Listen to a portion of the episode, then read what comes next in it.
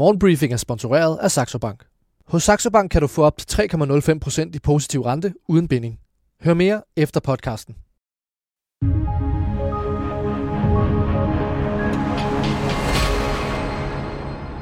God morgen. Det er i dag tirsdag den 27. februar, og du lytter til morgenbriefing fra Børsen. Det er et overblik over døgnets store nyhedshistorier fra erhvervsmedierne herhjemme og i udlandet. I dag handler det blandt andet om Ørsteds rating, fremtiden for tankstationer og en dyster melding fra Paris. Velkommen til. Mit navn er Sofie Rud.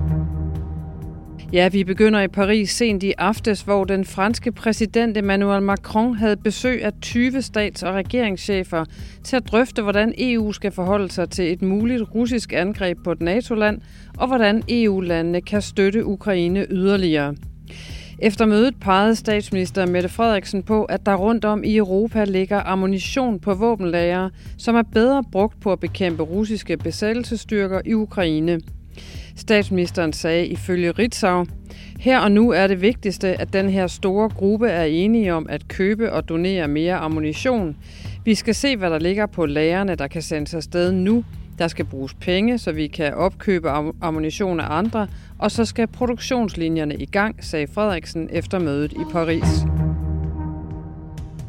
De største danske børsnoterede virksomheder skruer op for investeringerne, og det selvom de kigger ind i et usikkert 2024 med høje renter og et knivskarpt fokus på omkostninger. Investeringslysten er altså fortsat intakt. Mens NKT kaster milliarder i en ny kæmpe fabrik, vil Pandora gear investeringerne i nye butikker op. Også Medico-koncernen Ambu er parat til at tage den store tegnebog frem i 2024. Britt Melby Jensen, som er administrerende direktør i Ambu, siger til børsen, vi har nedbragt vores gæld, så vi er langt mindre påvirket af renteniveauet i verden. Netop derfor er vores fokus på vækst og investering i nye muligheder, hvor renteniveauet jo ellers gør, at, det er, at der er lidt tilbageholdenhed rundt omkring, siger hun. Faktisk har en betydelig del af den danske børselite tænkt sig at sende flere penge efter investeringer, end de gjorde i 2023. Det viser en opgørelse, som børsen har lavet. To cifrede milliardnedskrivninger i USA har lagt et tungt pres på kapitalstrukturen hos Ørsted, der i starten af februar præsenterede en ny plan, der skal løfte selskabet ud af krisen. Problemerne og den høje risiko i havvindindustrien fik i efteråret de tre store ratingbyråer til at true med at sænke selskabets kreditvurdering. En vurdering, der har væsentlig betydning for forretningen. Ligesom aktionærerne ventede ratingbyråerne på den plan, som Ørsted så kunne præsentere 7. februar sammen med et årsregnskab, der viste et underskud på 20,2 milliarder kroner. Trods kriseplanen tog ratingbyrået S&P kort efter konsekvensen og nedgraderede Ørsteds vurdering fra BBB Plus til BBB. Næste skridt er BBB minus, og ryger man under den, så har man ikke længere en høj kreditværdighed. I stedet får man status af junk. De to andre store ratingbyråer, nemlig Moody's og Fitch, har omvendt besluttet at fastholde Ørsteds kreditvurdering. Moody's ser dog fortsat en risiko for, at vurderingen skal sænkes, skriver børsen. Tankstationer vil dominere markedet for erhvervsopladning, skriver Finans. Det drejer sig om Circle K, som vil satse milliarder på elbilopladning og sigter mod at tage en fjerdedel af markedet for firmabilers opladning. For kort tid siden annoncerede Circle K, at kæden vil investere en milliard i ladestandere, og nu går den offentligt ud med sine planer om også at sætte sig på markedet for opladning til erhvervskunder. Peter Rasmussen, som er konstitueret administrerende direktør for Circle K, siger til Finans, vi gør det af flere årsager. Den ene er, at undersøgelser viser, at 99,8 procent af det CO2-aftryk, vi står for, kommer fra de produkter, vi sælger – det skal vi tage ansvar for at ændre på, siger han. Aktien i den danske IT-gigant Netcompany fortsatte mandag sit kursfald, efter at virksomheden fredag bekræftede at have været udsat for et hackerangreb over for mediet version 2. Aktien faldt således omkring 4% mandag eftermiddag, og ifølge Jakob Pedersen, som er en aktieanalysechef i Sydbank, er der i løbet af de seneste dage blevet skåret omkring 1 milliard kroner af virksomhedens børsværdi, det skriver Berlingske. Det er gruppen Syndicat, som hævder at stå bag angrebet, hvor store mængder data er blevet lækket.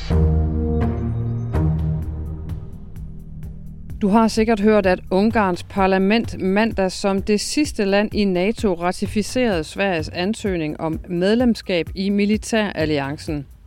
Dermed blev vejen banet for Sverige i NATO, og det giver nye muligheder for sikkerhedssamarbejde i Norden, ifølge udenrigsminister Lars Løkke Rasmussen. I en skriftlig kommentar via Ritzau skriver Lykke, det er et lyspunkt i en svær tid, at NATO med snart 32 medlemsstater viser sig stærkere end nogensinde, udtaler han. Vi skal til New York og aktieugen på Wall Street, som startede med nedsat tempo efter sidste uges rekorder i flere indeks. Mandag var der særligt pres på Googles ejer Alphabet, ligesom Apple og Microsoft trak i minus. S&P 500 faldt derfor 0,4 procent, mens Nasdaq smed 0,1 procent af værdien. Den rolige start på ugen er opvarmningen til nogle dage i USA med flere vigtige nøgletal senere på ugen, blandt andet tal for forbrugertilliden, kerneinflationen og en opdatering på det amerikanske BNP. Har hjemmestjal C25-debutanten Sealand Pharma billedet mandag, Aktien stak fuldstændig af fra samtlige C25-aktier, efter at det danske biotech-selskab fik markant opmærksomhed fra danske og udenlandske investorer, og endte altså med at slå en rekord for den største stigning på en enkelt handelsdag for en C25-aktie, med en stigning på hele 35,67 procent.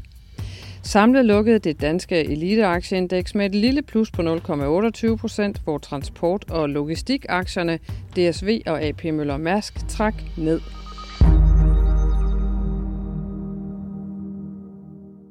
I sidste uge kom den såkaldte svarerapport med forslag til, hvordan man kan lægge CO2-afgifter på landbruget, og nu foreslår Klimarådet så, at der også bliver lagt en afgift på selve fødevaren i køledisken. Jeg har bedt børsens politiske kommentator Helle Ip om at give sit bud på, hvad det vil betyde. Mit eget bud er, at der nok skal være politikere og landmænd, der støtter, at afgiften for eksempel på oksekød lægges på alt oksekød, uanset hvor det kommer fra i verden. En meget højere pris kan måske også godt få danskerne til at vælge øh, mere klimavenligt mad, men det er altså ikke en afgift, hvis den overhovedet får et liv, som vil betyde noget større for vores øh, nationale CO2-regnskab for landbruget, og det er jo der, øh, der skal leveres på klimaloven. Derfor er jeg sikker på, at man fortsat skal interessere sig mest for den rapport, der kom fra ekspertudvalget med Michael Svare i spidsen i sidste uge. Og i den rapport er der kun en lille prisstigning, måske på en 4-5 kroner på en pakke oksekød, øh, når man indregner, at landmanden han får øgede udgifter til produktionen. Jeg spurgte også Helle, hvad vi skal forvente fra nu af.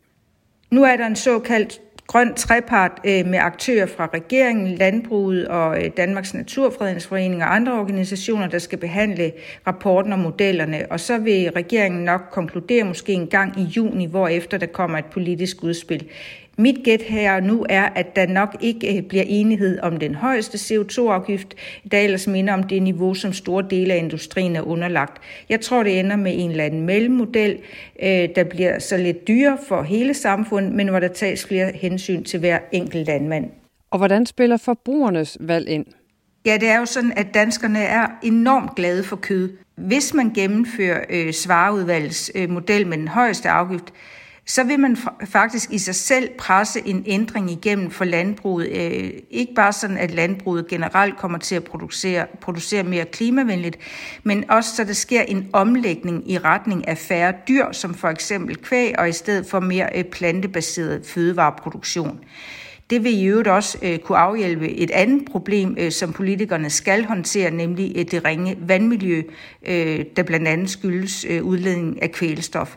Jeg tvivler som sagt på, at det ender der, men noget af det spændende for mig øh, bliver i de kommende måneder at følge, øh, om man kan enes om nogle mere øh, strukturelle ændringer i landbruget, øh, der kaster andre forbedringer af sig, og det så også stille og roligt øh, betyder ændringer øh, i den måde, danskerne spiser på. Dagens morgenbriefing er slut, og tak fordi du lyttede med i dag. Hvis du vil dykke dybere ned i tidens vigtigste erhvervshistorier, så har vi lige nu et godt tilbud på børsen til nye læsere. Gå ind på borsen.dk-tilbud og se mere. Og din daglige morgenbriefing er tilbage igen i morgen tidlig, ligesom vi plejer. Så indtil da, så håber jeg bare, at du får en rigtig god tirsdag.